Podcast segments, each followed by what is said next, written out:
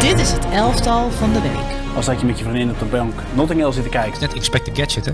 Ik heb uh, afgelopen weekend over voorassist gedroomd. Onnavolgbaar. Hij is weer ouderwets een absoluut statistieke monster. Dus dat is gewoon mooi. Dit is zo'n romcom. Van Suleiman en Jarno. Ja, het is dinsdag en dus tijd voor het elftal van de week. Ja, de voorlaatste van dit jaar, want Suleiman... We gaan bijna naar het elftal van het jaar. Maar nog twee afleveringen van het elftal van de week. Gelukkig. Weer een mooi elftal van de week overigens. Uh, een paar opvallende spelers. Een paar analyses ook weer. Maar laten we het elftal er gewoon eens gelijk bij pakken. En dan uh, wil ik eigenlijk direct beginnen met de doelman. Want ik had het idee, ik zat die wedstrijd te kijken. Hè, speelt Brighton in het geel? Ja, maar Burnley speelt ook goed voetbal. Ja? Het company-stempel is daarop geplakt. En uh, ja, iedereen die de project, project heeft, gekeken bij, uh, heeft gekeken bij Anderlecht... weet dat company staat voor een bepaald soort voetbal en ook een bepaald soort doelman. En deze James Trafford, die natuurlijk bij City vandaan komt en uh, bij Engeland onder 19 opgevallen ja. is afgelopen zomer.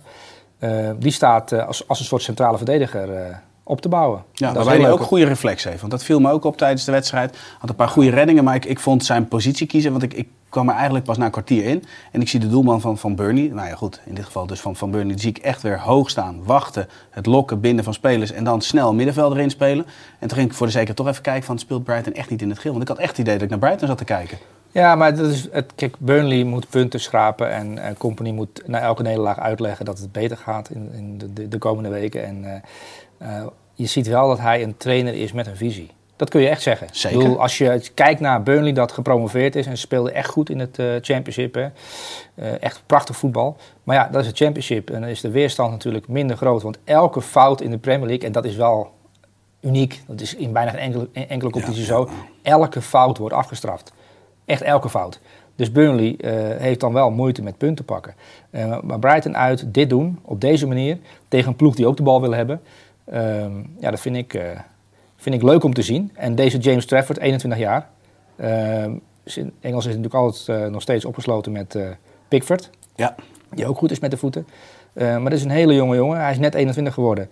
jij zei goede reflexen. Hij had 11 reddingen deze wedstrijd. Ja. En een paar hele knappe saves. Uh, dus in de 16 top. Dat was wel een kritiekpuntje tot, tot aan uh, afgelopen weekend. Van, goh, uh, maar ook wel diverse reddingen. Ik heb de, de Nooier redding met de voet gezien. Ging, ik ja. heb op een gegeven moment een, een hand, de Frans hoekhand, hebben, we gezien. Ja.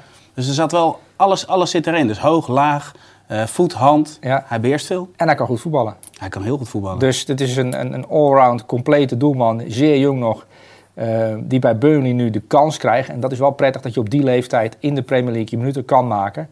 Uh, en mocht Burnley degraderen of er niet in blijven, dat is hetzelfde. Uh, dan denk ik dat er een aantal clubs met trainers die dit prettig vinden, zo'n doelman, uh, deze jongen wel graag bij willen hebben. Ook omdat hij natuurlijk uh, een Engels paspoort heeft. Dat is ook ja, prettig. Ik heb in ieder geval genoten van de beelden. Maar wat voor cijfer levert zijn optreden ja. tegen Brighton op? James Trafford een 9. Een 9. Dan gaan we naar de verdediging en dan zien we Miguel Gutierrez, ja. man van uh, Girona. Um, zijn doelpunt wil ik met jou bespreken. Maar vooral Welk ook... doelpunt? De eerste of de vierde? Dat hij de assist uh, voorbereidt? Nee, nee, nee, zijn, zijn eigen doelpunt. Zijn dus eigen dat doelpunt. hij, ja, de Oké, okay, dus wat ik daar wil um, bespreken met jou is de rol van Daley Blind. Ja. Die, had, die was op dat moment in balbezit. Die had heel makkelijk hem aan kunnen spelen. Was die bal naar de linkerkant gaan, had Barcelona Girona makkelijk onder druk kunnen zetten. Maar die korte combinatie in de as, geïnitieerd door Daley Blind, zorgde ervoor dat hij in een grote ruimte terechtkomt. En op het moment dat die Gutierrez in een grote ruimte terechtkomt, en dat viel me wel echt op bij Girona. Op het moment dat zij dus in grote ruimtes terechtkomen, dan zijn ze ook gelijk gevaarlijk. En zijn ze ook met veel man op Ja. de helft van Barcelona. En daar was ik wel echt van onder de indruk. Die lage opbouw om vervolgens ja. toe te slaan tegen Ja. Barcelona. Goed verhaal. Ja, nee, maar Ja, ik was er echt van onder de Ja, nee, maar dat is ook zo. Maar Girona is natuurlijk, ja, als je aan Girona denkt en de trainer van Girona merkt in de afloop van deze wedstrijd op, we zijn er. We hebben Ja. 40 punten. Ja, ja, ja. Nou, maar ze- hun Ja. doel, doelstelling was om net als vorig seizoen zo snel mogelijk 40 punten te halen. Maar zij hebben natuurlijk begin december al hun doelstelling gesteld. Maar het is ook wel een rare reactie nadat je een historische wedstrijd speelt. Want het is voor Girona natuurlijk het hoogtepunt uit de clubgeschiedenis, denk ik. Dat je Barcelona op deze manier, en jij bes- beschrijft die eerste goal, en dat was een werkelijk prachtige goal. Ehm, maar de hele wedstrijd door zag je op een gegeven moment momenten dat je denkt: oké, maar Barcelona wordt hier uitgespeeld, uitgevoetbald. Ehm, er worden spelers eigenlijk gekleineerd, te kakken gezet. Je ziet ook Frenkie de Jong op een gegeven moment in zo'n wedstrijd met zijn handen omhoog van jongens, wat zijn we aan het doen? Ze proberen druk te zetten, maar dat lukt niet, omdat Girona daar onderdoor weet te spelen. ja, mede door. En ik heb hem niet genomineerd, omdat ik, ik heb ook een column geschreven over Daley Blind eh, maandagmiddag al.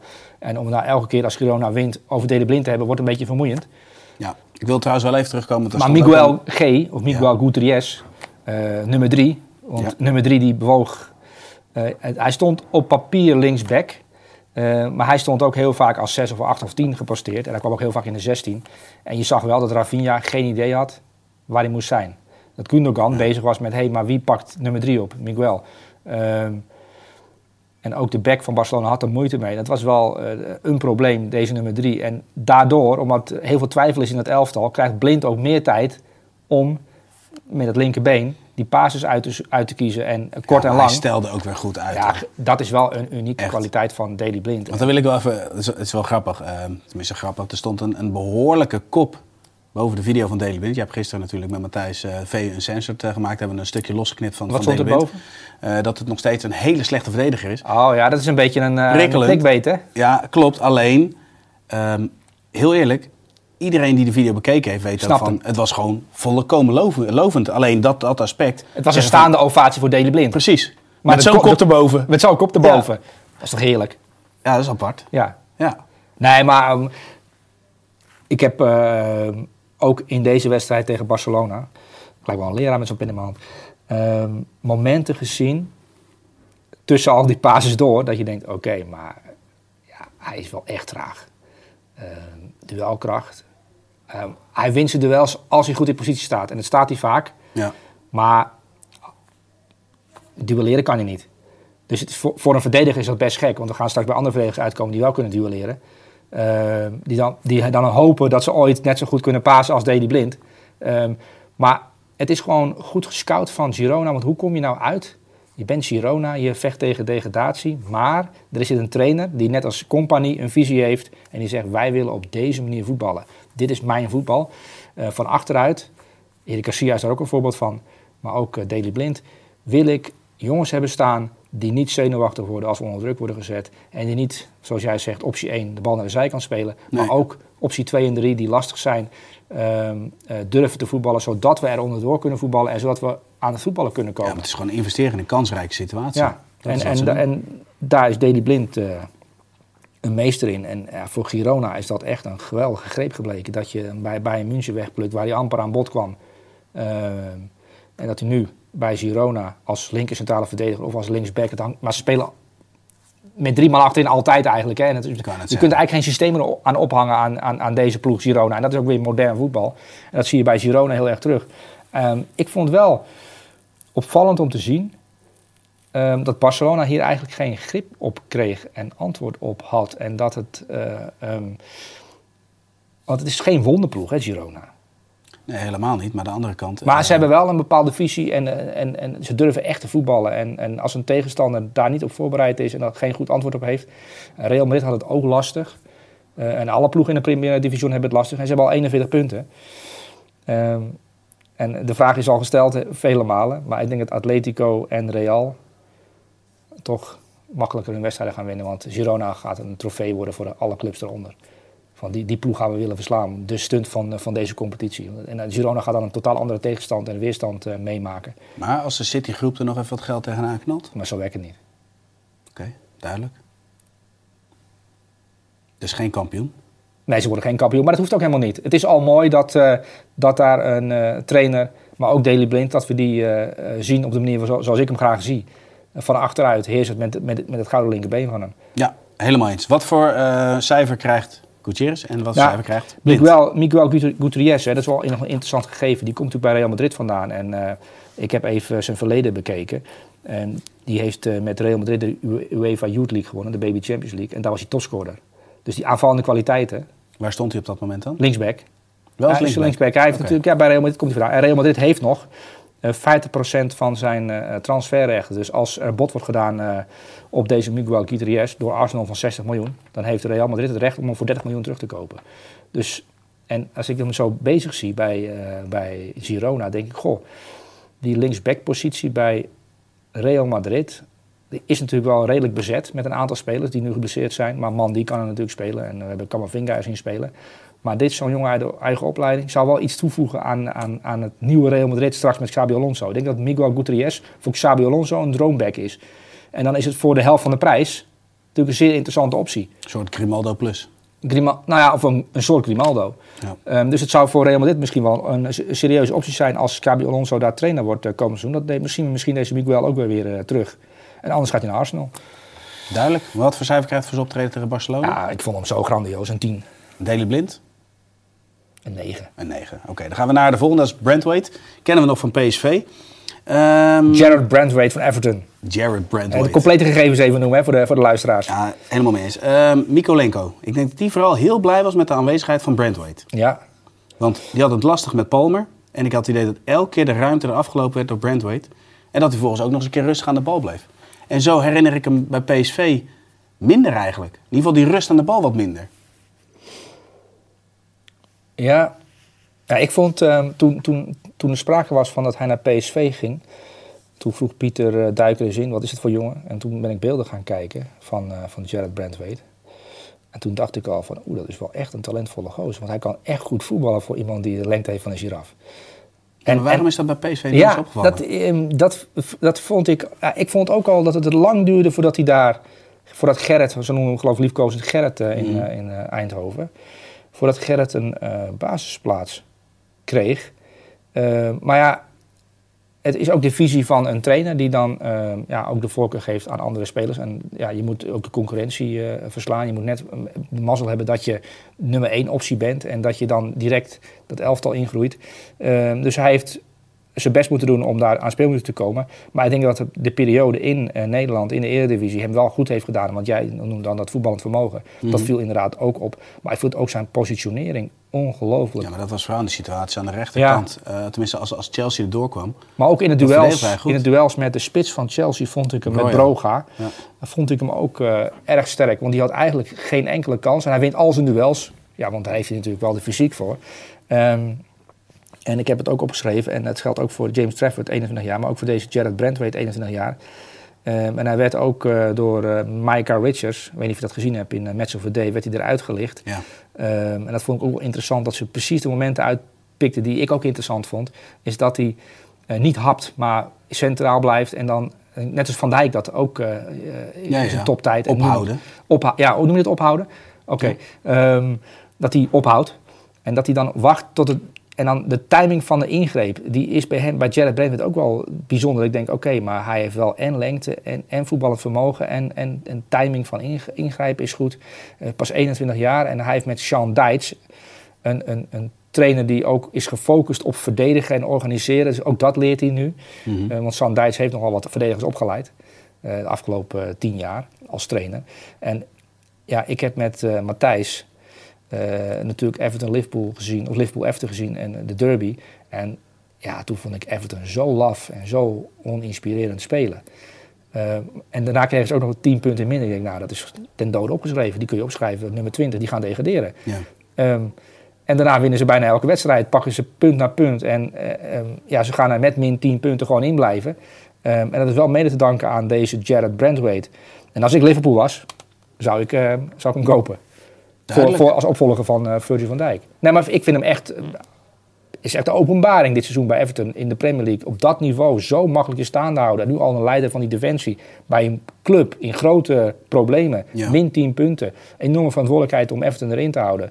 Want degradatie zou echt eh funest zijn voor zo'n club. En dat je dan als 21-jarige je, je, je bij Sean Dietz in de basis speelt, is niet, is niet makkelijk. Nou, ik, ik blijf het bijzonder vinden dat je dan eh, we- een speler eigenlijk een heel seizoen in de Maar dat geldt ook voor Savio, hè?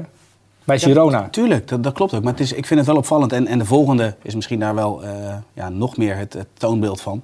Dat, dat je spelers van dichtbij meemaakt in de Eredivisie. En, en dat je dan toch denkt van nou ja, dit ontbreekt, dat ontbreekt. Dat je dan vaak een negatieve insteek Ja. eh, dat eraan gekoppeld wordt. Maar vervolgens zie je ze in een andere omgeving echt helemaal floreren. En ja, wat ik zeg, de rust aan de bal, echt leiding geven, positie kiezen. Het, het was wel echt indrukwekkend. En nogmaals, Mikolenko, die vond ik er niet goed uitzien bij Tijdenwijlen. Maar die werd eigenlijk gewoon continu gered door Brandwaite. Ja, en Mikolenko heeft ook wel weer andere kwaliteiten, want die wordt dan weer geroemd om zijn aanvallende power. En dat heeft hij ook wel. Ehm, maar het is gewoon knap. Met 2-0 winnen van Chelsea eh, in deze situatie. En nou is winnen van Chelsea minder knap dan het lijkt, want dat is echt totale chaos wat daar gebeurt. Ja. En dat zou je ook wel vinden, misschien. Zeker. Nou ja, Cole Palmer kan echt geweldig voetballen. Ehm, en het is dat ze die nog hebben. Anders gebeurt er niks.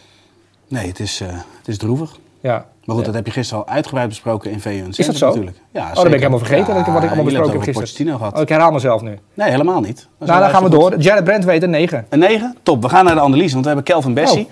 Maar laten we eerst het moment pakken wat we nog allemaal kennen uit zijn Ajax-tijd. En dan zien we dit. Nou, hier zie je dus inderdaad Kelvin Bessie die bewust vrijgelaten wordt in de opbouw. Nou ja, en hier eh, de bal verspeelt. En het moment daarna zul je zo meteen ook zien. Het is het gedrag van Feyenoord, ze laten hem aan de bal. Nou ja, hier zie je dat ook. Nog meer zelfs, ze wijzen zelfs. Hier de keeper, weer terug. Ja, Maar weer terug. En het volgende moment is super lullig wat er gebeurt. Nou, dit is het beeld wat in Nederland nog een beetje bestaat over Ja, Kelvin Bessie. Maar nu bij Fulham zien we een hele andere Bessie. nee. Wat ik nu hier zie, in, in deze 10 seconden, deze clip, is niet, kan je Clown Bassi, zoals hij daar dan eh, Ja. uitkomt, kun je hem totaal niet aanrekenen. Ga, ik ga het beeld nog maar eens naar kijken. Nee, dat klopt, want hij het wordt staat vrijgelaten. totaal verkeerd. Het staat ook verkeerd, maar je ziet ook dat hij niet de rust aan de bal heeft. Want ook, Nou, hij wordt vrijgelaten en, en, en je ziet ook dat de nummer 7 van, eh, van Feyenoord, die, die anticipeert al op de paas. Zie je dat? Die, gaat, die, die, die weet die paas gaat komen, want ze hebben de beelden bekeken. Ehm, het staat bij Ajax verkeerd. Als Bassi aan, oh, Bassi, als Bessie aan de bal komt, dan gaat die bal eh, wordt die naar de linksback geschoven. Dat klopt. Zie je, dat, je ziet dat hier gebeuren? Zeker. Ja, dus, ze, ze lokken hem ook een kant op. Dus in die zin, hij wordt ook opgesloten en hij komt ook in een probleem. Alleen, kijkend naar de wedstrijd van eh, maar ook waar, staat hij in het veld? Want ik zie hem nu bij Fulham. eh, ja, ik heb hem nu gezien tegen Nottingham Forest en tegen West Ham United. West Ham United, twee keer 5-0. En dan kun je ook andere spelers uitlichten, want er was nummer 10 vond ik ook goed, Kearney. Ehm, Wilson die inviel was goed. Ehm, maar het is ook wel even leuk om, eh, en ik noem dat een voortgangsrapport, eh Kelvin Bessie ehm, eruit te halen. En dan meer dan 100 balcontact. En dat is ook opvallend. dat je Kelvin Bessie die, eh, die, die is best vaak aan de bal bij Fulham achterin. Jawel, maar dan kom je dus, en, en dat, is, dat is dus wel eh, de vergelijking die dus gemaakt moet worden met, met Feyenoord. In eerste instantie wordt hij ook vrijgelaten door West Ham. Ja. En dan gaat er iets gebeuren. En nu zie je dat hij rust heeft. En nogmaals, ik heb een, ik heb een paar momentjes eruit gepikt. wil ik wel even laten zien. er gelijk even eh, bij pakken. Nou, de eerste situatie, de lange bal van de keeper. Dan kun je zeggen van oké, die gaat zo meteen verdedigd worden. Waar die bekend staat wellicht om iemand die snel in paniek raakt, doet hij dat hier totaal niet. Hij heeft zijn medespeler al gezien, kopt vervolgens ook naar hem en ze kunnen weer doorverballen. Dus hier rust aan de bal. Volgende situatie, hij schuift zelfs in. Dus hij is ook comfortabel om dus het spel te gaan verdelen. Dus hij wordt er aangespeeld. In de volgende situatie opent hij met een goede strakke paas en kunnen ze doorverballen. Oké, dit, is, dit is dus wat, wat, ja, zo kende ik hem in ieder geval niet. Eh nou kom je dus in die laatste situatie, onder druk, krijgt die bal teruggespeeld. En wat ik, wat ik aan het volgende moment mooi vind, is dat hij dus, en dan hebben we het over het blind, dat hij zijn opties afweegt. Want waar hij normaal gesproken de makkelijkste oplossing, misschien terug naar de keeper, kan hij naar links, kan hij eruit halen, kan hij vooruit. En hij kiest voor de bal vooruit. En dat vond ik mooi om te zien dat hij in ieder geval zijn opties beter weegt. Dat hij daar meer naar kijkt. En dat hij rustiger aan de bal is geworden. Want ook tegen West Ham viel op dat hij vaker vrijgelaten werd. In plaats Ja. van de rechtercentrale. Ja, wat mij bij West Ham opviel is dat Jared Bowen stond in de spits. En Jared Bowen en druk zetten, dat deed hij wel op zijn Jared Bowens. Dacht ik van, goh, hij heeft er eigenlijk niet zoveel zin in. En de, hij, Als de afstand kort was, deed hij het. deed Als hij ja, te lang ja, was, dus Bessie kreeg wel soms wel de tijd ook om in te dribbelen en de paas. Hij kreeg meer tijd dan je normaal gesproken, denk ik, krijgt in de Premier League Ja, tegen West daarom heb ik dat laatste moment ook gepakt. Waarbij hij Ja. dus wel onder volle druk uh, Maar werd. en nu zitten we weer in, want je gaat heel erg zoeken naar fouten. Want dat is wat jij dus kennelijk ook doet. En dat Nou, is dat is het terecht, beeld hè, dat mag ook. ontstaat. Ja, dat mag ook. Je mag zoeken naar fouten. Ehm, maar ook bij Ajax is hij heen en weer geslingerd tussen posities. Bijvoorbeeld, hij heeft linksback gestaan en dan zag je hem opstomen. En dan dacht je, goh, voor iemand met zo'n fysiek vind ik het best knap dat je die linksback eh, eh, posities op die manier eh, Invult. Ja. invult. Ja. Dat vind ik knap. Ehm, als je ziet, jij had- laat net ja, de beelden was tegen Feyenoord zien. Feyenoord was op dat moment top, tactisch goed. En Ajax niet zo. Die, die Zeker, laat zich in de val lopen. Die loopt in de val. En Kelvin Bessie is slachtoffer Ja. van de keuzes van een trainer. Dat, dat, dat zie je daar. Maar wat je nu ziet bij Fulham met Tosin Adarabio, die rechts centraal naast hem staat, die ook goed kan voetballen. Twee goede, nou niet wil ik zeggen twee goede voetballers, maar één Tosin Adarabio zit Die is wel beter. Goede voetballer, ja, maar die is aan de bal beter. Ja. Dus inderdaad, gaat de tegenstander zich instellen op Bessie. Wat moet Bessie dan doen? Beter worden aan de bal, zodat de tegenstander op een gegeven moment denkt, hé, hey, maar we laten Bessie elke keer vrij. Maar dan weten ze ook makkelijk eh de Ja, maar, daar, maar dat heeft toch ook met spelintelligentie te maken? Want zich. hij stond wel heel breed ten opzichte van zijn eh maat centraal achterin. Waardoor die afstand van Bowen heel groot werd. Ja. Dus in die zin wordt hij ook slimmer. Want bij Feyenoord zie je dat die afstand relatief kort is. Ja, maar je, je, ziet, je ziet gewoon een jongen van 23 jaar ehm, die, die beter wil worden. Eh, die is verkocht aan Fulham voor 21 miljoen euro. Ja. Werd in Nederland om gelachen. Denk, jeetje mina, hoe is dat nou in godsnaam gelukt om die clown voor 21 miljoen euro te verkopen aan Fulham. Maar Fulham heeft voor 21 miljoen euro een cadeautje gekregen. Dat is het gevoel nu op de tribune. Zeg ik, ja, eh, en hij heeft afgelopen maand tegen Tottenham, hè, dat weet ik, weet ik ook wel, fouten gemaakt. En hij zal ook onder druk nog fouten gaan maken. Maar ik denk dat Kelvin Bessie, eh, hij wint al zijn luchtduels, ook deze wedstrijd weer. Hij heeft geen duel verloren, ook over de grond. Ja, maar ook door het verder te kijken. Niet alleen winnen, maar ook de vervolgactie. Ja, en daarna dan moet je er ook iets aan koppelen. Want als je dan elke keer de bal weggeeft. Ehm, kijk, hij is opgeleid door Harry Maguire bij Leicester City. En dat kan je wel een beetje zien. Ehm, Zo'n type voetballer is het. Ehm, ik denk dat hij nog een ongelofelijke groeimarge heeft. En ik vind het echt knap ook dat Fulham nu ook twee keer op rij 5-0 wint. En toch die punten weer aan het pakken is met Marco Silva. Eh, het gaat heel vaak over Breiten en zo. En, dat mag ook. En terecht. En over Aston Villa ook. Maar ook Fulham. eh, eh, als je ziet wat voor elftal zij hebben. En eh, ja, wat voor club dat is. Vind ik toch knap als zij er... Het is een beetje een soort Excelsior vind ik dat van de Premier League. Dat ze dan Bessie voor 1 miljoen euro halen. Dat moet je wel durven. Als je ziet waar hij vandaan komt. Ik bedoel, hij werd hier uitgelachen. Ja. En dat hij zich dan manifesteert daar links centraal achterin als een prima verdediger met groeimarge. Ik denk dat, dat Bessie nu bij Fulham op zijn plek is. Ik zie hem ook, eh, want, want jij, dat hebben we nog niet benoemd, maar ik zie hem ook sturen en wijzen, aanwijzingen geven. Dat, dat leiderschapsrol achterin op zich, op zich nemen. Eh, ja, mooi om te zien, toch? ja, ben ik helemaal mee eens. Het is Maar je moet ook, als we spelers zeg maar uitlachen en het land uitzetten. Het gevoel had ik toch een beetje bij Calvin Bessie. Dat je dan daarna gaat kijken wat er met zijn jongen terecht eh, komt. Ja, maar Nou, dan ga je wel best vanuit het oog kijken van wat was nou waarom die uitgelachen werd. Ja. Vanuit dat perspectief ga je dan toch kijken. Ja, maar je moet altijd voorzichtig zijn met eh, hoe je het, het beoordelen van spelers individueel. Want je moet altijd gaan kijken wat kan een jongen en wat moet hij nou precies doen. Daley Blind is natuurlijk op dezelfde manier bij Ajax vertrokken. En iedereen had afscheid van hem genomen. Ik geloof dat hij ook nog de eigen supporters eh, is uitgefloten in Amsterdam. Want die kan er helemaal niets meer van. Er ontstaat een bepaalde beeldvorming. Ehm, ja, en, en als je nu ziet bij Girona in dat elftal, denk je, nou, die, die Daley Blind wil wel allemaal terug hebben. Ja, maar dat is dezelfde. Ja. Ja, en dat geldt Ja, ook voor Kelvin Bessie, die, die natuurlijk nog jong is, zich ontwikkelt.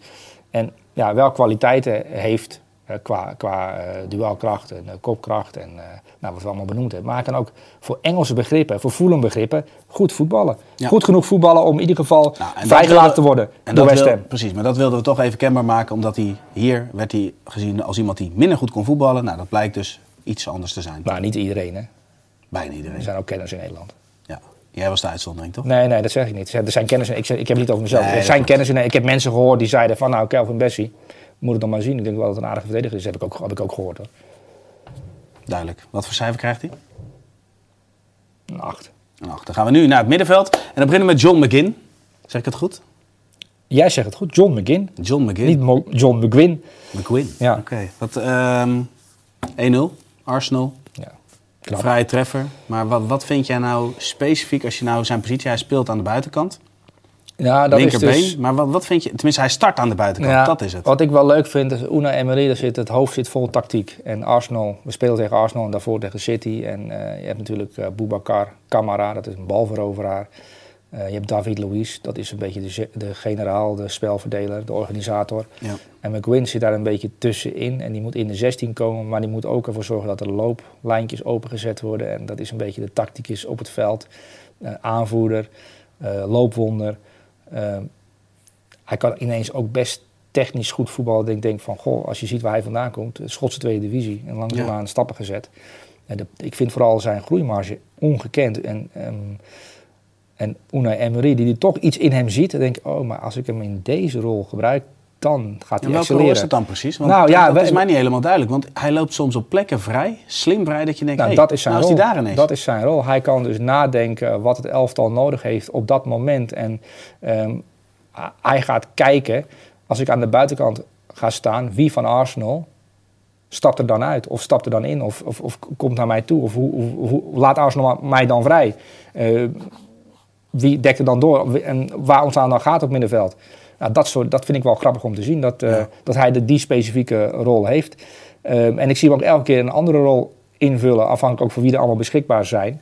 Ehm, en ja, Aston Villa, ehm, als je ziet waar die vandaan komen, een jaar geleden en nu met Unai Emery. ja, spectaculair met ongeveer dezelfde spelers. Ze hebben natuurlijk wel Moussa Diaby erbij gehaald, dat voorin wel een enorm verschil eh, maakt. Maar ook met, eh met die Jamaicaanse jongen, die nu eh, regelmatig ook speelt, eh, ga- gaat het ook goed en die speelde Ja. er al. Dus eh, ik vind dat wel eh, ja, getuigen van de klasse van een trainer. Maar ook ja, zo'n John McGuinn, die dat ook meegroeit ook met zo'n coach. Dat zag je bij Villarreal natuurlijk ook met een aantal spelers. En bij Valencia en bij Sevilla. Ja. Ehm, dat ik vind ook, een trainer moet ook spelers die er al zitten beter kunnen maken. En dat zie je heel duidelijk bij Aston Villa met deze McGinn. Die ik nog nooit zo goed heb zien spelen. En jij vraagt je dan af, wat, waar is hij dan goed in? Ja, dat is Ja. misschien wat minder zichtbaar. Maar Unai Emery heeft het wel gezien, dat is toch knap. Maar wat komt er bij jou gelijk naar boven? En dat hij overal staat. Waar, waar, waar hij moet staan. Ja.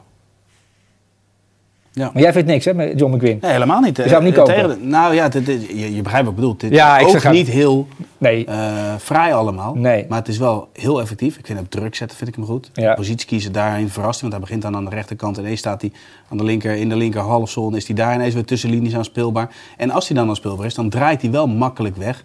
En heeft hij ook verlopende spelers. Het is, het is wel een tactisch slimme speler. Nou, ik denk dat het een speler is die een jaar geleden, tot een jaar geleden, gewoon zijn ding moest doen. Van de trainer, ja, jij staat op het middenveld, we lopen heen en weer, box to box. Dat is wat hij te horen kreeg. En nu, eh, een jaar geleden, en er zat veel meer in John McGinn dan John McGinn zelf wist. Maar Unai Emery dacht, hé, hey, maar ik, deze jongen, daar kunnen we misschien wel meer mee. Ehm, en heel veel spelers die met Unai Emery hebben gewerkt, die, die zeggen dat ook. Dat hun kijk op het spelletje veranderd is. Omdat hij, hij, heeft, laat met video's zien. hey, John, als je kijkt naar eh, Bellingham of je kijkt naar eh, Modric. eh, als je ziet hoe die bewegen. eh, die beweging van rechts naar links. Die weet je wel, terwijl het dan zo'n aan- aanval gaat. Je zal ook eens een keer in die zone terechtkomen. De meeste goals worden gemaakt door spelers die die bal daar ontvangen. En dan kun je die en die paas eventueel geven. Dus hij, zet, hij opent het hoofd van spelers. Unai Emery als trainer. En dat zie je bij John McGuinn. Dat hij daar dus kennelijk ontvankelijk voor is. Want sommige jongens maken die switch heel snel. Die zijn best intelligent, maar die intelligentie wordt nooit aangesproken. En ik heb het idee dat John McGuinn zo'n jongen is. Eh, dat, dat zie je er niet aan af, dat, dat zeg je terecht. Ja. Ehm, maar dat hij eh, snel informatie kan verwerken en dat ook tijdens de wedstrijd snel kan, eh, kan oppikken en verwerken. En dat zie je nu terug bij Aston Villa. Gewoon een intelligente voetballer. Mooi verhaal. Wat voor cijfer krijgt hij voor zijn optreden tegen Arsenal? En 9 was de beste man op het veld. Terecht. Dan gaan we naar Bernardo Silva. Ehm, ze hadden een ogenschijnlijk lastige wedstrijd tegen Luton. Ja. Eh, dat was het ook gewoon. Ze hielden het heel compact. Ja, Eh, ik zat... eh, ja, Moet ik wel zeggen, weet je wie me ook opviel? Heel, en dan heel kort, Townsend. Ja, ja en het is wel een heel mooi verhaal ook, eh, Townsend. Hè, die natuurlijk, eh weet je veel meegekregen hebt, maar die natuurlijk zit te leuren om een club. Ehm, Nou ja, die heeft zich tegen City aardig in de kijk gespeeld. Ik vond het echt weer leuk om te zien. Nou, die is natuurlijk bij Luton Town heeft hij een kans. Hij mag meetrainen, laat maar zien wat je kan. Je moet überhaupt fit zijn en daar heeft hij dan een, kans gekregen. Eh, en het, ook het plezier in voetballen weer gekregen. En dan is het wel leuk om te zien eh, dat jij dan eh, hem goed vond. Dat is natuurlijk wel, als je hem als voetballer wil omschrijven, het is natuurlijk wel een goede voetballer. Zeker. Maar hij krijgt bij Luton Town het vertrouwen, net als Ross Barkley. Ja, ik weet niet of jij, maar ik zat op een gegeven moment, ik zit City Luton Town. En ik dacht, die nummer 6, wat is die irritant zeg. Die zit echt dicht op de huid van Bernardo Silva. Maar ik had nummer 6, ik, ik denk dan in nummers, 20 minuten lang in nummers. Dus Ross Barkley. Maar ja, op het tv-scherm kun je niet altijd goed zien wie dat is. Ehm, dus toch op een gegeven moment na 20 minuten denk ik, goh, ik ga even kijken wie nummer 6 is, want dat vind ik wel heel grappig. En dat bleek dan Ross Barkley te zijn. Ik denk, goh, Ross Barkley die, die zo'n ongelofelijke drijf heeft. Ja. Leuk om te zien. Ehm, dus Ross Barkley was eh, de persoonlijke mandekker van Bernardo Silva. Leuk om te zien, toch? Absoluut. absoluut. Alleen Bernardo Silva is wel zo'n voetballer die dan gedurende de wedstrijd denkt... hé, hey, hoe schud ik deze crimineel van me af? Ja, maar ik vind... Weet je wat ik dat vind? is zo knap. Ja, maar dat is toch... Als je, als je nou... Hij begint aan de rechterkant, toch? Als rechtsbuiten, zo staat hij op papier. Ja, ja het is... Maar de rechterkant rendeert volledig door hem. Want hij zorgt continu, is hij zo in positie dat hij weer een driehoek kan maken. Dat je Ja. korte combinaties, dat ze onder druk uit kunnen komen.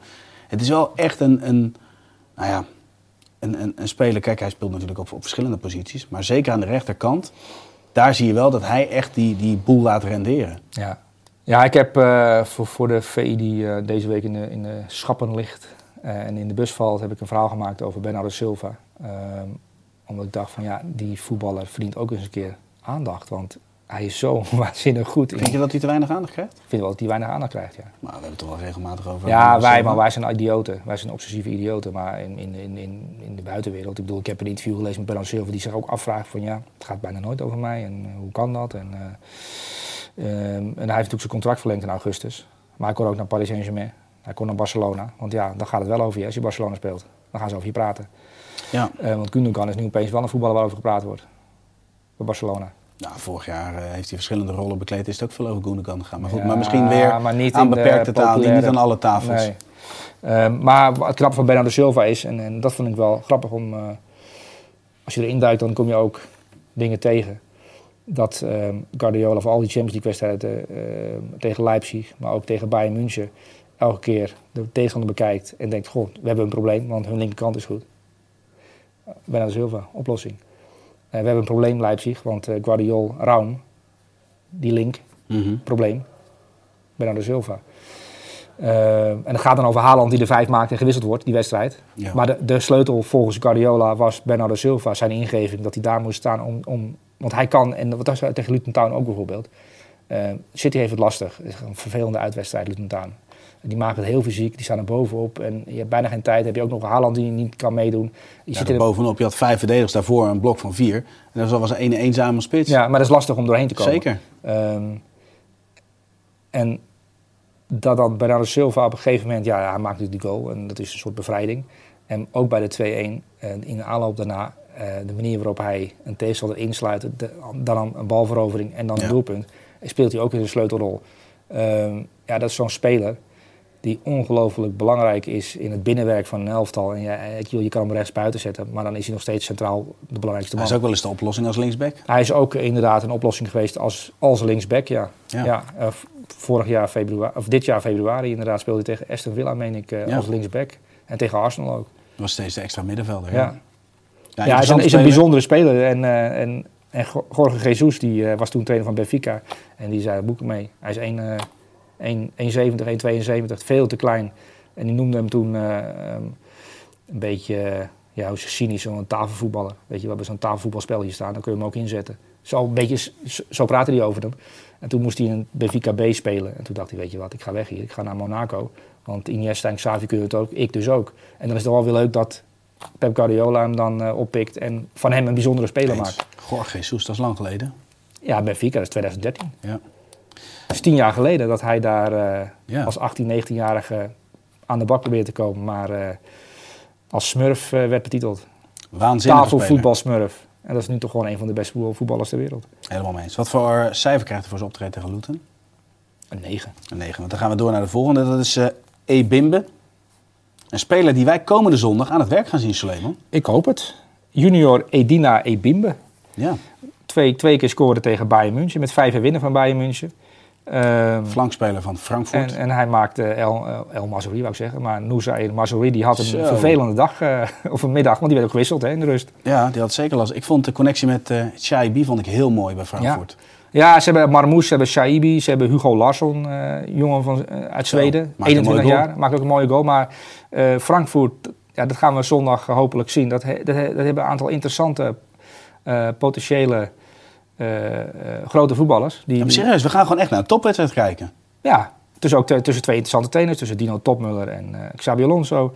Eh, Frankfurt heeft met 5-1 gewonnen van Bayern München. Dat schept verwachtingen, daar, gaan we, daar, willen wij iets van zien. Daar willen we zeker iets En van dan eh, ja, tegen de kop lopen. Dus, en, en deze junior Edina Mbimbe, die komt bij, ja, dat zal je wel weten, bij Paris Saint-Germain vandaan. En zoals heel veel jongens ehm, in Duitsland voetballen die eh, bij Paris Saint-Germain niet aan de bak komen. Ehm 23 jaar, eh, power, techniek en ongelooflijk veel arbeid voor de ploeg. Hè. Dat viel ook wel op tegen Bayern München. Dat die jongens allemaal wel, en dat moet in Duitsland, omschakelen. Dat is echt een omschakelcompetitie, dat leer je daar wel. En dat moet je bij Frankfurt ook. En dat deed vond de manier van verdedigen wel indrukwekkend. Hoor, want ze hadden de Van as van Frankfurt, Bayern. Ja, ja, de ja. as was helemaal dicht. Ze konden geen kant op daar. Ja, ze helemaal dicht, Bayern München lekker aanvallen en eh, dan vallen die ruimtes, die, vallen ze geweldig aan, die erachter liggen. En dat, dat was deze wedstrijd. Dan kan het 5-1 worden en het ziet er natuurlijk een beetje vreemd uit. Dat Bayern München dat om de titel speelt met 5-1 verlies van Eintracht Frankfurt. Maar die hebben wel een ploeg die daarvoor gemaakt is ook. Met Larsson, met Mbima, dat zijn wel ook wel echt hele goede lopers. En dat gaan we tegen Leverkusen ook wel zien. Ja, Kusunu. Misschien af en toe in de zone van Frimpong, maar ik Ja. denk vooral Kusunu. ja. Ja, moet aan, de, moet aan de bak, maar die moet elke wedstrijd aan de bak. Moet zeker aan de Ja. bakken. Nou goed, we gaan het er eh, hierbij laten, want we gaan er volgende week natuurlijk uitgebreid op terug. Want we gaan, los van, we gaan natuurlijk naar die wedstrijd. Ja. Maar we gaan die wedstrijd ook gewoon even kort analyseren. Daar heb jij zin in? Ja, in de bus. Oké, nou dat vind ik leuk. Ja, toch?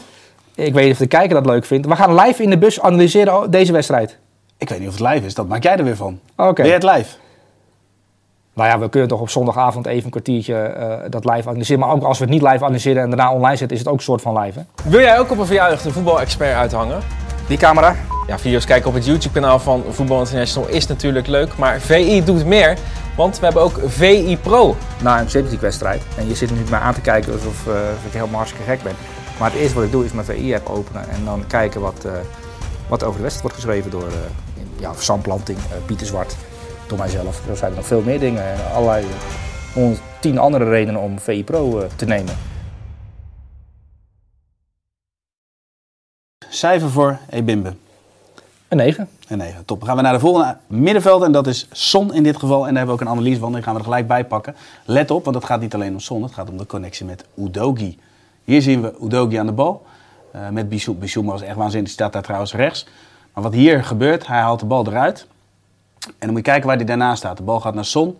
Dus waar hij eerst een dubbele 6 maakt, komt hij hier in de zone van 10 terecht. En dan maakt hij ook diepte. En dat zie je in de volgende beelden ook weer terug. Hier komt hij in eerste instantie laag. Vormt hij weer echt een waanzinnig koppel met Bissouma. Stonden ze vaak met het, op het middenveld met elkaar. En in de volgende situatie, Bissouma speelt Son aan. En hier zie je de loopactie al van Udogi. Die linksback staat op papier, hè, Ja. maar eh, die doet waar hij zin in heeft. Vervolgens verlengt hij hem mooi naar Richarlison. En dan zie je het volgende beeld. Ja, de kans die daaruit voortkomt. Ja. En nogmaals, ik vind het te makkelijk om alleen het doelpunt te pakken. Maar voor iemand die linksback staat, staat hij opvallend vaak op het middenveld. Zowel aanvallend als verdediger. Maar ik vind de connectie met Son, vond ik wel heel bijzonder. Want ik vond Son terecht dat hij in jaar elftal staat. Maar ik wilde toch even die connectie Ja, laten zien. Want ik, ik vind Udogi, Bissouma, ja, weet je, ja. Je mag er maar één opstellen van Spurs. Ja, en eh, in, um, in- in het, het eerste beeld wat je liet zien, eh, dat, dat Son en Udogi aan het combineren zijn aan de linkerkant, zie je ook aan de rechterkant. Dan zie je hier bijvoorbeeld, ehm, zie jij een rechtsback? Nee. eh, waar is de rechtsback? Zoek de rechtsback. Ja, hij staat op het middenveld. Die staat op het middenveld. Ja. De rechtsback is dus ook verdwenen. Dus de linksback is ehm, nu een soort van opbouwer nummer 6. Maar de rechtsback is verdwenen. Maar er staat wel een Newcastle-speler die, die zich afvraagt, waar is de rechtsback? Ja. Ehm, want dat is wel gek. Ja. Eh, want we hebben aan het begin van het seizoen bij een niet na noemen, club gehoord dat als de linksback weg is, dan moet de rechtsback blijven. En als de rechtsback weg is, dan moet de linksback. Weet je wel, dus dat, Ja. dat, dat, dat eh, Tenzij je zo goed aan de bal bent, dan maakt hij niet uit. Maar bij Tottenham hebben de rechtsback en de linksback kennelijk de vrijheid om te gaan. Want als je dan ziet wie er achterblijven, dat zijn alleen de twee centrale verdedigers. Ja, en Bissouma staat er vlak voor. Maar als je, als je, als Ja. je daarvan onder de indruk bent, dan moet je eigenlijk het pro-stuk van eh, Pieter ook eh, lezen. Over? Die is bij Dick Schreuder geweest. Ja, Zo, dat was ook echt indrukwekkend. Ja, we gaan, zo we gaan de link delen in de beschrijving. Ja, maar dan moet je, we, gaan Ja. deze, we gaan deze link gaan we delen met jullie. Maar goed, eh Son, daar gaan we even naar terug. Dick Schreuder moet dus ook trainer maken van een topclub in Spanje. Dan, Ja. dan, dan wordt het feest. Ja, maar denk je, hij, hij zet zich wel op de kaart met drie verdedigers centraal achterin in Spanje. Dat doet, eh, doen niet veel ploegen. Maar ik, ja, nee, dat klopt. Nee, dat klopt. Ja. Nee, dat- ja. Ehm, ik ben helemaal kwijt op, opeens Dick Schreuder. Eh, Son. Ja, Son. Ehm, nou, kijk, ik, ik, ik vind... Ik, ik ben ook liefhebber natuurlijk. Maar jij ook. En ehm, ik goed voetbal. eh, City, zet je de tv voor aan. Ehm, maar dan weet je wel wat je krijgt. En, en, en op een gegeven moment vind je het niet spannend genoeg meer om, om het echt naar te kijken. Ehm, en wat er nu bij Tottenham gebeurt, dat vind ik zo leuk. Ook, dat heeft ook te maken met die, die, die negen man. eh, en, ja, die tak doen Chelsea. tegen Chelsea. Dat je Ja. dacht van oké, maar dan ben je echt net een gek in je hoofd als trainer. Eh, dat je dit durft. Dan heb je wel grote ballen. En ik heb het altijd over de grote ballen van Ange Postecoglou. Ja. Ehm, dat vind ik, ik vind dat, dat, die heeft de grootste ballen in het trainersland op dit moment. Past hij in de kerstboom? Die passen niet in. De, de kerstboom valt om. Ja? De ballen van Postecoglou, ja. Oké. Ehm, dat vind jij dan weer leuk om te vragen. Waarom vraag je het is toch bijna kerst? Het is bijna kerst en dan past hij in de kerstboom. Nee, maar we hebben ook nieuwe ballen. Kijk, we hebben ook deze ballen. Dus ik, ik dacht ook van, joh, kunnen die ook in de kerstboom? Maar dat past ook niet. Ja, maar over de rol van deze backs. Dit is toch gek? Dit zie je toch nergens? Nee. En ja, misschien in eh, 1974, Oranje. Nou ja, Maar, maar bedoel, Destiny Udogi, die, die, die, die hebben we allemaal bij Udinese gezien. Althans, de kijkers van het elftal die weten dat Destiny Udogi destijds een opkomende back was. Ehm, en Pedro Porro bijvoorbeeld. Dat is ook een wingback, echt een wingback. En de twee wing, die zijn als wingback ook gescout in, voor, voor Antonio Conte. Want die wilde twee wingbacks hebben. Ja. En dat zijn En nu- met drie centrale spelen. Nee, en met drie, ja, dat, dus die zijn gescout door een andere trainer. En die wilde graag wingbacks. Nou, oké, dan krijg je Pedro Porro en dan krijg je Destiny Udogi. Antonio Conte keek er twee keer naar. Ik weet er niks van. Weet je, oké. Dus afgeserveerd. Dan komt er een, nieuwe trainer en die zegt, we gaan zo spelen. Eh, mijn linksback wordt eh, de afgeschreven Destiny Udogi. Mijn rest, dat was niet afgeschreven, het is gewoon een talent. Eh, mijn restback wordt Pedro Porro. En die hoeven niet die flanken te bestormen. Want dat is namelijk waar ze voor gescout zijn. Nee, ze gaan als nummer 6, nummer 8 en nummer 10 spelen. Ehm, en, Ja, en dat doen ze continu, hè? en dat doen ze een hele wedstrijd lang. Ehm, want dat is het leukste voor, tijdens wedstrijden van Tottenham. Het beeld stilzetten. Waar staat, als Madison fit is, waar staat Madison? Waar staat de nummer 10? Oh, die staat centraal achterin. Ehm, waar staat de rechtsback? Oh, die staat op de plek van Madison. Waar staat Destiny Udogi? Oh, die staat rechts buiten. En dat vind ik grappig. Ja, maar dan is het wel maar- grappig om te zien. Je zet hem stil, posities zijn wel bezet. Ja, ja, nee, natuurlijk. Maar er zit wel een idee achter. En op de manier waarop zij... eh, en ze hebben natuurlijk in november bijna alle wedstrijden verloren. Eh, na, die, eh, na die wedstrijd tegen Chelsea hebben ze geen punt gepakt. En nu tegen Newcastle herstellen ze zich. Ehm, en dan wordt er natuurlijk gezegd... Ja, Postolo, gehypte trainer. En eh ja, zo naïef. En, eh, ehm, maar ik vind wel dat hij een nieuwe standaard zet. En je ziet ook dat... ehm, ja, er respect is voor zijn werk. En eh, ik vind het wel knap dat je als trainer je eigen handschrift onder een elftal weet te zetten met spelers van anderen. Want Ten Hag is, Ten Hag is ook bezig zijn handschrift onder een elftal te zetten. En niemand kan het handschrift zien hè, van Ten Hag. Nee. Maar bij deze trainer zie je op dit moment wel. Ehm, en de resultaten zijn belangrijk. Want ook Postolo en Tottenham moeten wedstrijden winnen om serieus genomen te worden. Eh, maar ze staan redelijk dicht bij de top 4. ze maken kans op Champions League voetbal. Dat is al heel wat voor, voor, voor Tottenham op dit moment. Absoluut. Ja, dit maar daar had er niemand rekening mee is gehouden. Ik zeggen. Harry Kane, ze hebben geen spits. Ja, maar daar hield nog niemand rekening mee. Want als je het dan hebt over... Jij zegt ze hebben geen spits. Ik denk wel, als je dan echt mee wil gaan doen... dan is dat de eerste positie naar waar naar gekeken moet worden. Postuole en Madison heeft dat verteld. Eh, want hij kon ook uit meerdere clubs kiezen. Maar nadat hij gesproken had met, met de trainer van Tottenham, Postuole, was Madison ervan overtuigd. Want hij bracht die voetbalvisie zo overtuigend op hem over. Dat hij, en, en dat effect heeft hij ook op anderen. En zelfs Harry Kane heeft even getwijfeld. Terwijl hij absoluut weg wilde. Oké, maar eh, als we dat gaan doen, dat zal, is wel Ja. interessant. Eh, dus hij heeft wel een, een, een overtuigende kracht. En het, de afgelopen zes, vijf maanden zijn ook voor nieuwe spelers een soort van visitekaart van, oh oké, maar dat is wel een spektakel. En eh, die kan je hier wel uitleven als, eh, als spits. Kijk, Heuminson vult het nu ook knap in, die spitspositie. Regelmatig, als Ja. Richarlison... eh, Ja, stond dit keer op links, maar Ja. hij staat ook Precies. regelmatig in de spits. dus dus er ligt, er ligt bij, bij Tottenham een plek open voor een klasbak in de spits. En dat is wel interessant met dit voetbal. Met, met, met de beweging om je heen. Ehm, en als iedereen fit is en Van der Ven komt er straks weer bij... ehm, dan gaan ze heel veel ploegen nog lastig maken. Want ja, wie pakt wie op? Want ze zijn continu in beweging. En eh, het is de passing game van achteruit. En De keeper doet ook mee. Gewoon erg leuk om naar Ja. te kijken. Ik vind het verfrissend. Ja, we hebben ook al veel spelers uit eh, dat elftal in Ja, dat zal wel voor, mijn voorkeur ligt dan kennelijk daar. Ja. Eh, want ik betrap mezelf er ook op dat ik wel vaak spelers van Leverkusen en, en Tottenham eh, eruit pik. Ehm, maar het zijn ook twee ploegen die erg opvallen dit seizoen. ja, helemaal eens. Cijfer voor Son.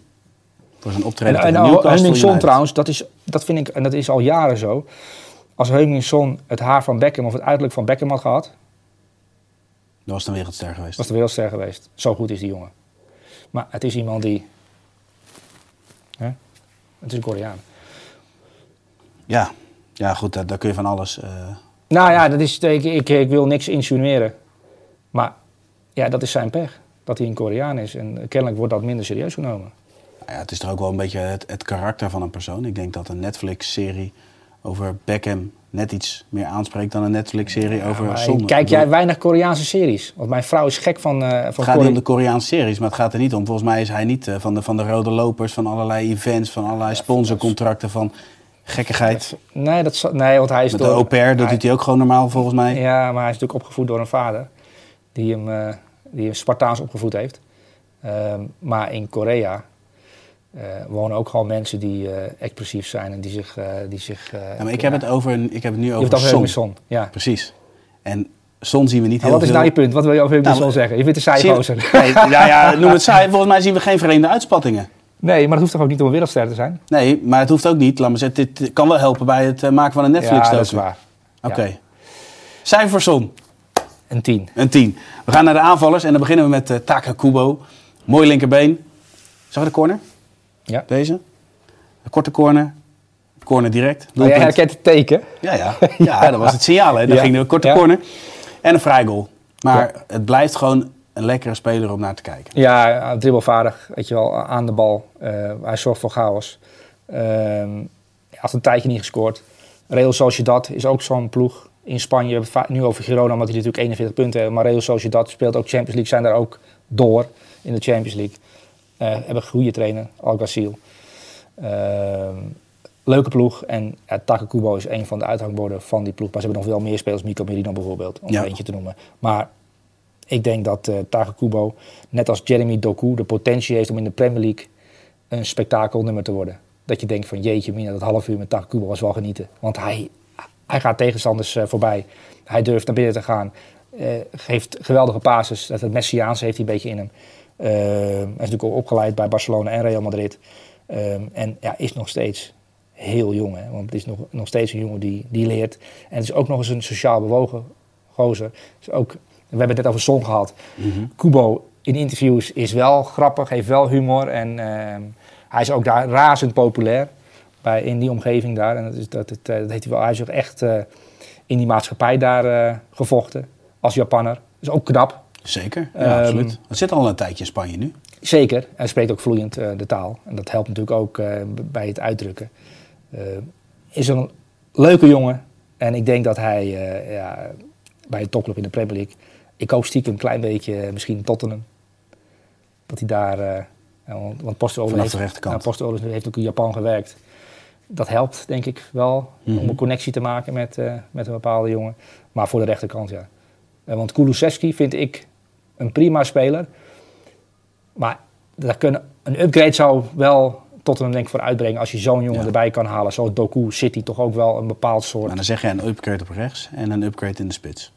Ja, sowieso een spits. Ja. Ja, de- als je Harry Kane verloren bent en, en, eh, en je hebt Richarlison, die wel beter aan het worden is en gelukkig aan het worden is, vind ik ook leuk om te zien. Eh, maar een, een, een echt goede spits zou Tottenham denk ik wel eh, nog completer maken. Een beetje een Harry Kane spits. Misschien is dat een bruggetje naar de volgende. Maar we moeten eerst even een Ah. cijfer geven aan Kubo. Nou ja, je haalt me de woorden uit de mond, heb ik niet eens aan gedacht, maar Ja, dat zou zomaar kunnen. Ja. Zou zomaar kunnen, ja. Cijfer voor Kubo? De negen. Een 9. Dan gaan we nu naar Joshua Zirkzee. Maakte twee doelpunten tegen Salernitana. Ja. Dat is natuurlijk reden om in het elftal van de week te komen. Maar als ik de beelden terugkijk, waar is, hij nou, waar is hij nou goed in? Het doorvoetballen. En wat, ja, de- tegen Salernitana vond ik hem daar niet zijn beste wedstrijd in spelen. Dus jij vindt dit, dit, dit geen goede keuze? Je had hem niet gekozen. Nou ja, we hebben hem geroemd om het spel tussen middenveld en aanval. Daar is hij echt goed in. Ja. En dan vond ik tegen Salernitana vond ik dat voor zijn doen niet voldoende. Streng. Maar hij maakte wel twee doelpunten. Dus eh, ja, wie ben ik? Ja, nou weet je wat, wat het leuke is? Want jij zegt dit nu. En, en kijk, hij staat nu voor de derde keer in het elftal, denk ik. Misschien wel Ja, nee, derde keer. Derde klopt. keer staat hij in het Zeker. elftal. En we hebben los daarvan nog een keer extra besproken, omdat we toen eigenlijk vonden dat hij er ook in had moeten, Oké. in had moeten staan. Ehm, hij staat er nu voor de derde keer in dus. En we hebben hem ook een keer besproken. Ehm, ehm, maar elke keer dat we besproken hebben, zei men, ja, maar hij scoort niet. Hoe moet je ermee? En, en nu word ik aan alle kanten aan, mijn- aan, aan mijn arm getrokken van... hé, hey, ik zeg, lekker, dat is goed bezig. Intikker. Nee, En fout van de verdediger afstraffen. Ja, die tweede goal was wel knap naar binnen, heb Zeker. gewerkt. Ehm, maar nu, eh, nu moet ik hem opeens selecteren, want hij heeft twee keer gescoord. Zo werkt het, zo werkt het nou eenmaal. Brobby is een goede spits omdat hij begint te scoren. Ehm, en dat geldt ook voor Justus Sirkse, die nu derde staat op de topscorerslijst. eh, daar met Bologna in de top staat. Ehm, dan val je op en dan gaat het over je. Zo werkt het nou eenmaal.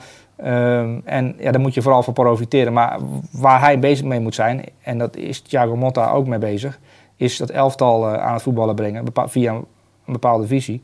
En Sirkse, die past daar perfect binnen. En hij speelde nu, eh, ja, ik, heb, ik, ik weet waar je op doelt. eh, ballen die je niet mag verliezen, die hij wel verspeelt. En dat mag niet gebeuren. Ehm, maar dat compenseert hij dan met twee goals. Dat is waar. Ehm, maar zijn manier van spelen, dan, dan moet je wel gelijk aan Harry Kane denken. En dan denk je ook wel, zou, zou, zou dat ook iets zijn voor Spurs?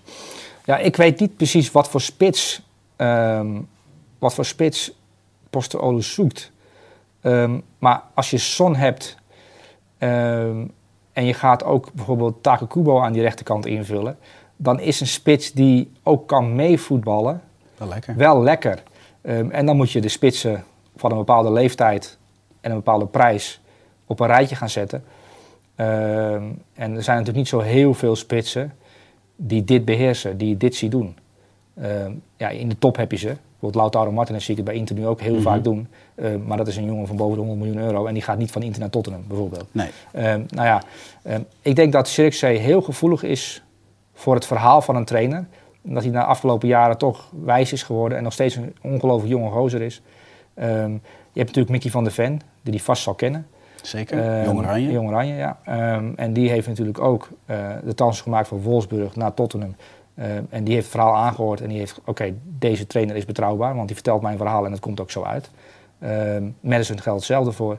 Dus het is een trainer die, die, als hij jou wil hebben en een goed verhaal heeft, dan klopt dat verhaal. Want je hebt ook trainers die, die zeggen maar wat. Ehm, ik wil je, je bent zo goed en dan beland je als derde reserve op de, op de bank. Ja. Ehm, maar als je denkt dat het verhaaltje klopt, het plaatje klopt. En eh Joshua Sirkse heeft daar een goed... Maar nu, nu klink ik als de zaakwaarnemer van, eh, van die jongen. Eh, sommige mensen vermoeden dat trouwens. Dat ben ik helemaal niet. Dat ben ik helemaal, nee, totaal niet. Ehm, ik ken hem niet eens. Ehm, maar dan zou het zomaar een logische transfer kunnen zijn. Ja, nu je het zo zegt, ik, eh, dit is eigenlijk 1 plus 1 is 2. Ja. We kunnen eigenlijk ook concluderen dat Joshua Sirkse volgend jaar bij Tottenham Hotspur speelt. Dat kunnen we bij deze onthullen. Nou, bij deze dan. Hebben wij het nieuwtje, hebben we het vast, ja, eh, eh, vast, vastgelegd, ja. Ja, zullen we dan ook even snel een cijfer geven? Een 8. Een 8. Want dan gaan we naar de laatste speler in dit elftal. En dat is Lacazette. Kennen we natuurlijk als een technisch vaardige spits. Ja. Drie doelpunten. Ze staan overigens nog wel steeds laatste, Laatste. met Lyon. ja. Maar, hekkensluiter, drie doelpunten, weer terug in de ploeg. Voor jouw reden, selecteren deze oude Fransman. Eh, nou, kijk, we hebben natuurlijk Ajax onderaan staan in de Eredivisie. Dat was natuurlijk nogal een eh, verhaal, in, ook in de rest van de wereld. En, eh, en Lyon staat nog steeds onderaan. En die hebben min of meer hetzelfde meegemaakt. Die hebben een, een Amerikaanse eigenaar eh, binnengehaald. Eh, nou, Ola, de, de, voorzitter die daar eh, 35 jaar gezeten heeft, die is natuurlijk eh, afgelopen zomer vertrokken. Het is chaos bij die club. Dan halen ze een Italiaan binnen, Fabio Grosso, Serie B-trainer, eh, die daar prima gedaan heeft. Ehm, maar Clermont Foot, geen speler van kent, ehm, bij Lyon binnenkomt. Ehm, en ja, clubwatchers van Lyon zijn dan ook nog, we moeten even kijken, we moeten zo'n man toch de tijd geven. Want ja, je, je kan niet Mhm. direct iemand eh, de nek eh, afhakken.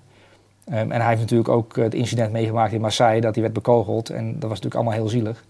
Ehm, maar ik heb, had het idee dat de spelers van Lyon na één training al dachten van wie is die clown?